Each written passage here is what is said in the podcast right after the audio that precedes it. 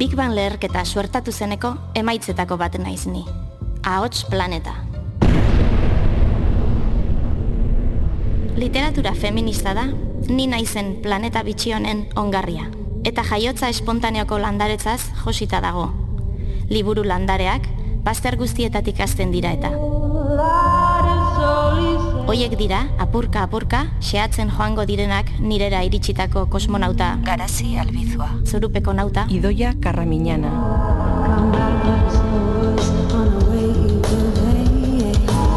kosmikoa izango den formakuntza esperientzia honetan parte hartu nahi?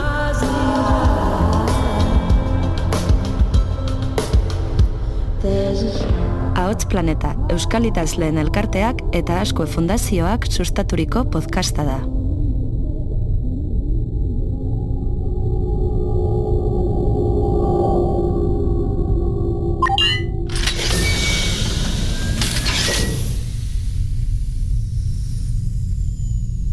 Nirera heldu direnetik, bada landare liburu bat jakinmin bereziz zelatatu dituena, bai zorupeko nauta, bai kosmonauta.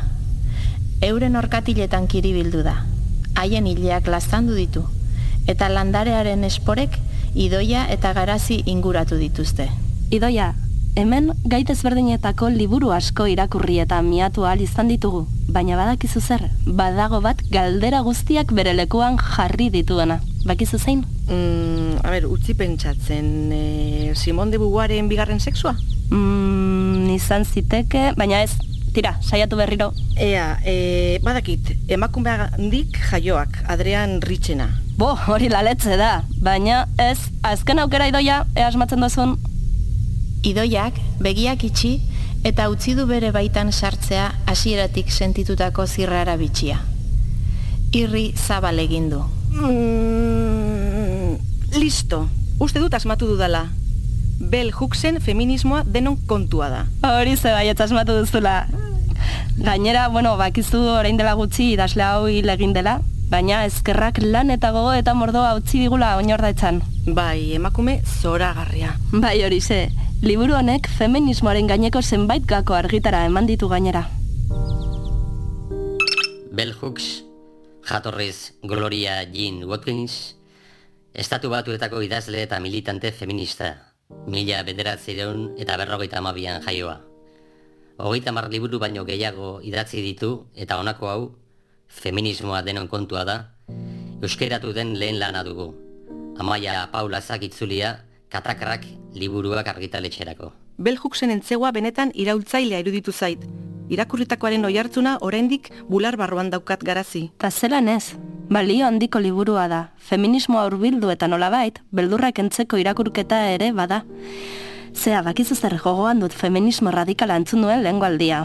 Radikala hitza kitzutu ninduen. Beno, berez, radikala, erroa, sustraiarekin dago lotua. Bai ba, ez nekien. Emakume erradikalen taldeetan, aizpatasuna eraikitzeko eta emakumeen arteko solidaritate politiko feminista egia bihurtzeko konpromisoari eutxi diogu. Gure artean arrazaz eta klaseaz gaindiko loturak finkatzeko lanean ari gara. Pentsa molde eta praktika antisexistak aplikatzen segitzen dugu, sinesten baitugu, emakumeok gai garela autoerrealizatzeko eta arrakasta lortzeko elkar menderatu gabe. Aizpatasuna. Horretan ikusi dut nik benetan mugimenduaren zen aldarrikatzailea. Izan ere, sexismoak, neokapitalismoak eta gizon zuri menderatzailearen begirapenak sortutako emakumea, emakume bakartia izatera behartzen du. Oinarri horren funtsa, barneko etxaia esaten genion horren kritika zen. Gure sexismo barneratua zari ginen. Emakumeok lehen eskutik genekien pentsamolde patriarkalaren arabera sozializatu gintuztela geure burua gizonak baino gutxiagotzat hartzeko. Geure burua beti beste norbaiten lehiatzailetzat hartzeko patriarkatuaren onespenaren bila. Elkarri jeloskortasunez, beldurrez eta gorrotoz begiratzeko.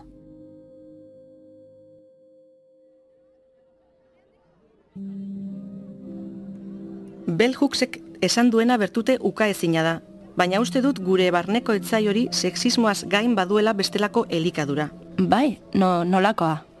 pentsatu apur batean. Bo, ez da izango ditxosozko zinismoa, oidoia. Mm, izan daiteke. Baizea, maitasunean, aizpatazunean eta horrelako hitz gozo eta beharrezkoetan oinarritutako diskurtzoa zera. Ez dela egiazkoa ez da, nolabait eraginkortasun falta duela horrek. Zelan egingo dio aurre maitasunak munduan keronen brutalitateari idoia.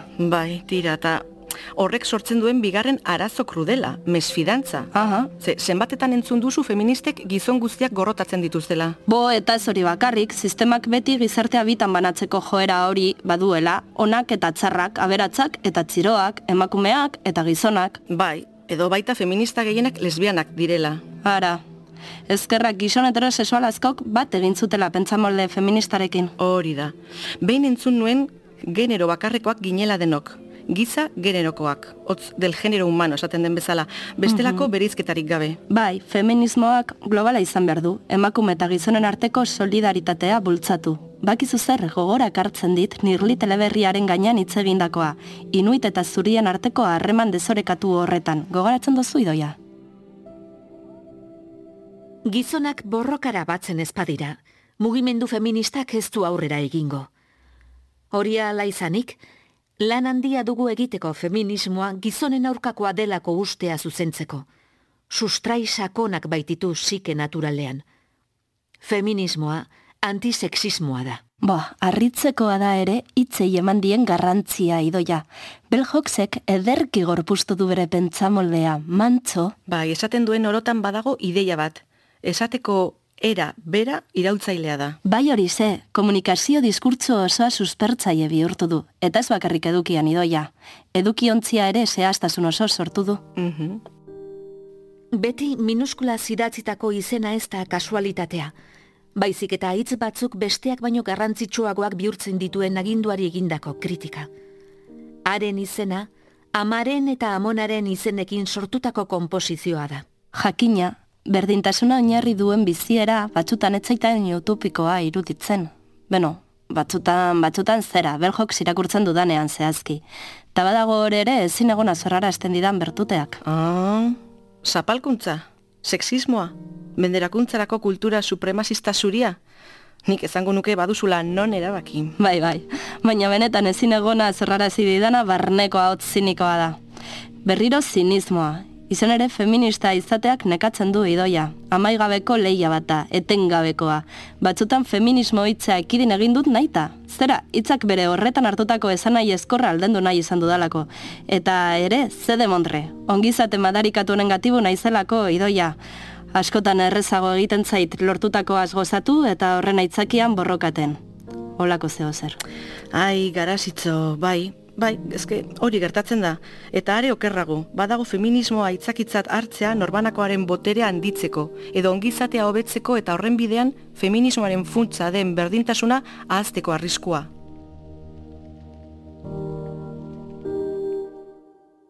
Emakume zurien artean, eskubide zibilen alde borrokan jarduntzuen kontzientzia politiko handiko talde bat izan da, bere estatusaren eta emakume beltzenaren arteko desberdintasunak ongien ulertu dituen taldea. Estatu batuen historiako garaiari buruz, emakume zuriek idatzitako eguneroko eta autobiografietan dokumentatu den bezala. Emakume haietako asko, eskubide zibilen borrokatik, emakumeen askapenaren aldeko borrokara igaro ziren, eta mugimendu feministaren buru bilakaturik, desberdintasunaren afera baztertu eta aukatu zuten, naiz eta lehen eskutik ikusia eta entzuna zuten eskubide zibilen aldeko borrokan.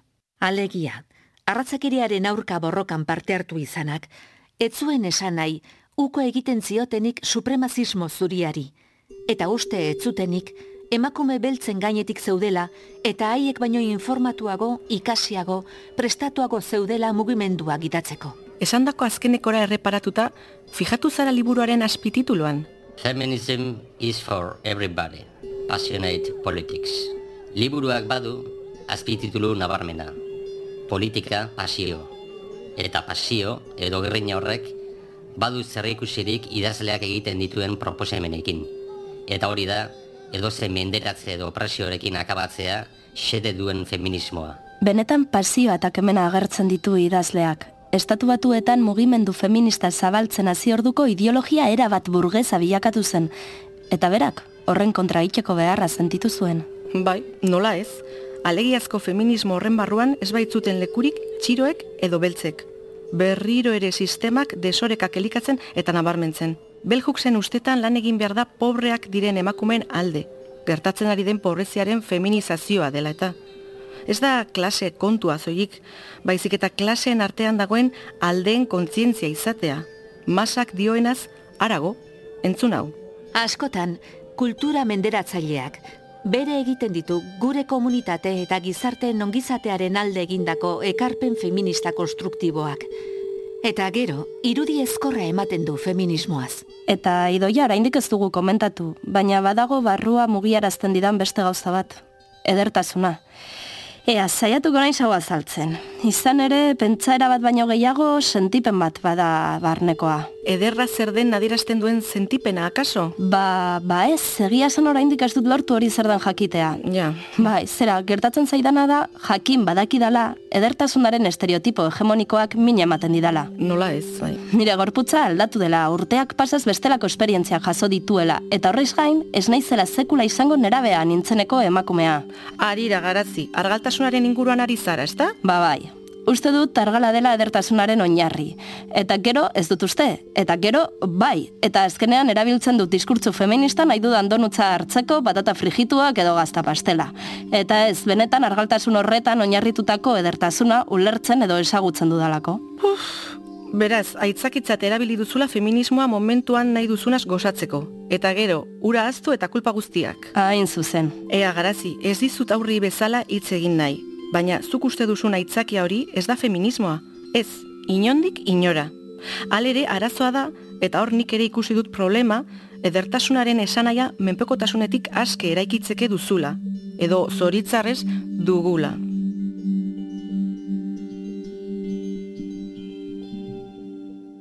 Elikadura nahasmenduen aurkako borroka feminista etengabekoa da.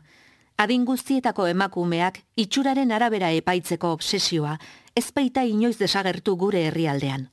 Zoritxarrez, emakumeok sekula baino kontzienteagoak garen arren, zeinen edatuta dagoen bizitza arriskuan jartzen duen elikadura nahasmenduen arazoa gure herrialdean. Askok, gazte zein zahar, jateari uko egiten diote argalak izatearren. Anorexia ohiko gai bihurtu da bai liburuetan, bai filmetan eta abarretan.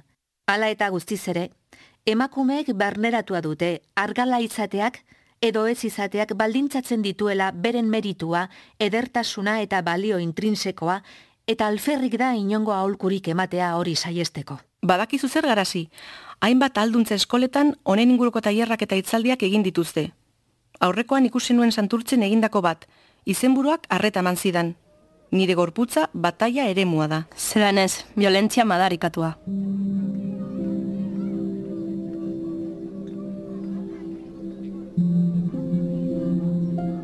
Irudiaren inguruan ari garela, badakizu zein irudi etorri zaidan gogorki burura? Ez, zein? Ba, bikote heteroa, emakumea zoineko zuriz jantzita. Mhm. Egunak eman ditu edertasunaren erritua prestatzen. Ziurrenik ez dela eroso egongo dantzatzeko, mugitzeko takoi handi horiekin.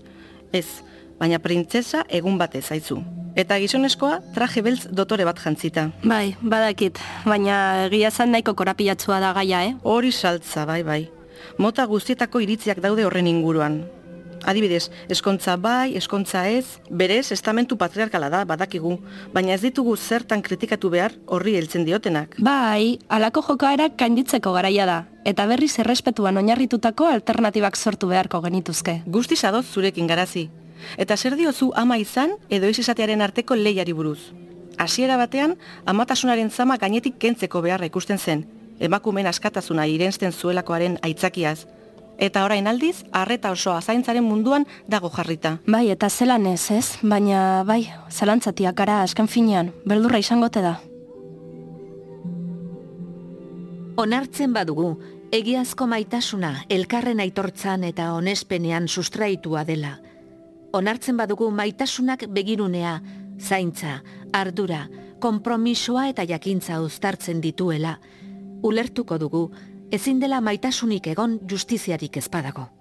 Horretaz kontziente izan ezkero, ulertuko dugu maitasunak baduela gu eraldatzeko ahalmena eta indarra ematen digula menderakuntzaren aurka egiteko. Feminismoa aukeratzea beraz, maitasuna aukeratzea da. Erabat ados alako adierazpenarekin. Azkenean bestekiko maitasunak eragiten du horiek modu bidezkoan hartatzea. Eta azkenean momentu batez pentsatzen badugu maitasunetik sortuak gara, eta haren norabidea jarraitu beharko genuke modu zuzenean jokatzeko asmoz. Ui, ui, ui, burua purtso bat e, joan zait, ez da? ez, ez. Normalean ez ditugu olako gogoetak egiten, baina arrazoizkoa da, idoia. Maitasunak egiten gaitu emakume eta gizon. Gauzak errezagoak izan zitezkeen, baina bakizu zer, azkenan uste dut badakidala zergatik egiten didan mesede beljok zirakurtzeak behar ditudan indarrak feminismoari eusteko ematen dizkit, argudioz beteak gainera. Gauza bat da genero berdintasunaren alde borrokatzea, hori bakit egiten, baina bel hooks aratago doa. Bai horixe, sistema osoa irauli nahi du, ezberdintasun guztiak austeko. Ta horrek burura ekartzen dit aurrekoan irakurritako Leiri Bilbauren olerkia gogoratzen, jaiotzeko mundu oso bat hautzi behar da. Bai, arrazoia du. Gizarte azatzen duten elementuak ez dira independienteak, besten eraginez aurrera edo atzera egiten dute. Hori da gizartea, osagai desberdinen arteko harremana, baina herritar guztien baldintzak aproposak izan daitezen noreka eta justizia zarri behar dira. Bai, uste dut horregatik gaudela hemen gubiok. Ez uste garazi? Jatorrizkoa genuen planeta, bidegabekeriaz beteta egoteak ona bultzatu gaitu. Beljuksek ere, mundu berria irudikatu zuen bere idatzien bidez. Eta idatzi horiek gainera ulertzen errezak dira, ezinbestekoa da hori ez da. Bai, berak asmimarratu zuen hori, hain zuzen. Kultura feminista transmititu alizateko, funtzezkoa dela hizkuntza arrunta erabiltzea, gizarte osora iristiko asmoz. Horren bestez, feminismoa, denon kontua da.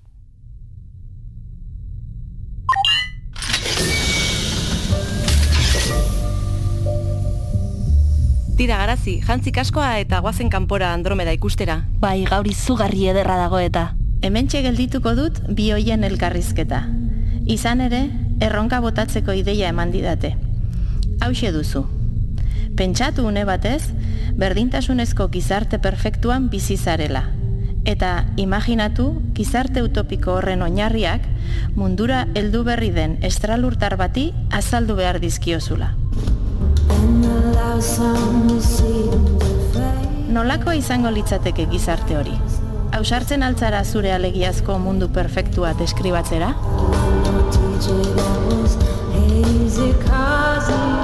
Entzule, hau izan da Ahots Planetaren lehenengo denboraldiko laugarren eta azken atala. Espero dugu laster batean bigarren denboraldian gure berri izatea. Bidali zure idazkiak elbide honetara. Ahots Planeta, abildua, gmail.com Ahots Planeta, Euskal Itazleen elkarteak eta Asko Fundazioak sustaturiko podcasta da. Entzungai, zure audio plataforma gogokoenetan.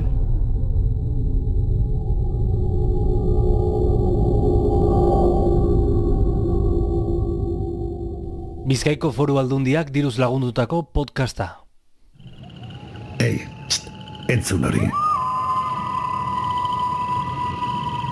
Ulu Media.